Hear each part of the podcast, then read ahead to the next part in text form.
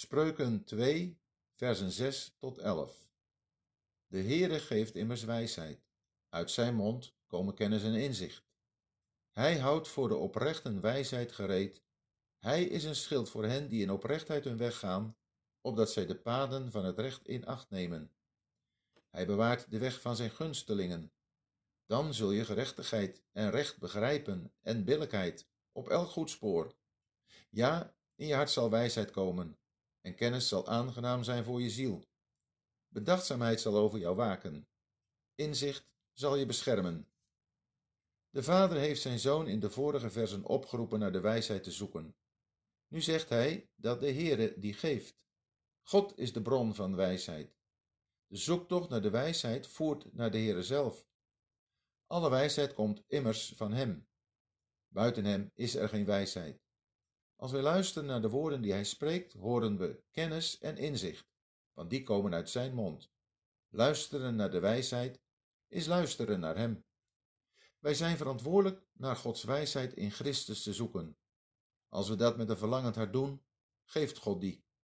We vinden hier zowel de kant van onze verantwoordelijkheid als de kant van God. Als wij zoeken, zal God geven. Het gaat om het zoeken van wijsheid in het woord van God, dat is in de woorden die Hij heeft gesproken en vastgelegd. Buiten het woord van God, los ervan, is geen wijsheid te vinden. Hij heeft wijsheid in voorraad klaar liggen, die hij bewaart voor ieder die oprecht is en hem erom vraagt. Voor wie in oprechtheid hun weg gaan, is hij een schild. Hij is een beschermer. We zien hier eerst weer de gezindheid, oprecht zijn, en vervolgens de praktijk die bij die gezindheid aansluit, in oprechtheid wandelen. Hij beschermt hen met het doel dat, opdat, zij op de paden die zij bewandelen, het recht in acht nemen. God wil dat de zijnen handelen in overeenstemming met het recht, met wat recht is voor hem. Als zij dat doen, heeft dat weer tot gevolg dat hij hen op hun levensweg bewaart. Dit doet hij bij zijn gunstelingen, dat zijn de getrouwen van zijn volk, die trouw zijn aan hem en hem in hun leven eren. De gevolgen zijn weldadig. De zoon zal verstandelijke bekwaamheid en geestelijk inzicht ontwikkelen om gerechtigheid en recht en billijkheid te onderscheiden. Gerechtigheid begrijpen wil zeggen dat de zoon begrijpt dat hij God moet geven waar hij recht op heeft, evenals de mensen om hem heen waar zij recht op hebben. Recht begrijpen betekent dat hij begrijpt dat hij het juiste moet doen. Als hij het juiste of goede doet, is hij rechtvaardig. Billijkheid ziet meer op het innerlijk. Het is de oprechtheid van hart en van daaruit het handelen naar eer en geweten. Als deze kenmerken bij hem aanwezig zijn, zal hij de goede weg kiezen en daarop blijven.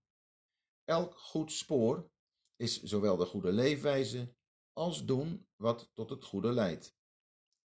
De versen 10 en 11 verklaren waarom de zoon de goede weg van de vorige versen kan gaan. Dat is omdat de wijsheid haar intrek in zijn hart zal nemen, in het innerlijke leven. Als de wijsheid in het hart, de bestuurskamer van het leven, woont, worden de juiste keuzes gemaakt en wordt steeds het goede spoor gekozen waarop naar de normen van gerechtigheid, recht en billijkheid wordt geleefd. De kennis zal voor de ziel wat meer op het gevoelsleven slaat, aangenaam zijn. Als iemand wijsheid in zijn hart heeft, heeft dat direct invloed op wat voor de ziel aangenaam is. In de ziel is een groot verlangen naar groeien in de kennis van God, om Zijn wil te kennen en te doen. Er is begeerte naar de onvervalste, redelijke melk van het woord, omdat de smaak ervan zo aangenaam is. Als er wijsheid in het hart is, en de kennis aangenaam is voor de ziel, zullen bedachtzaamheid en inzicht of onderscheidingsvermogen hun beschermende rol kunnen vervullen. De kracht van deze deugden is namelijk waken en beschermen.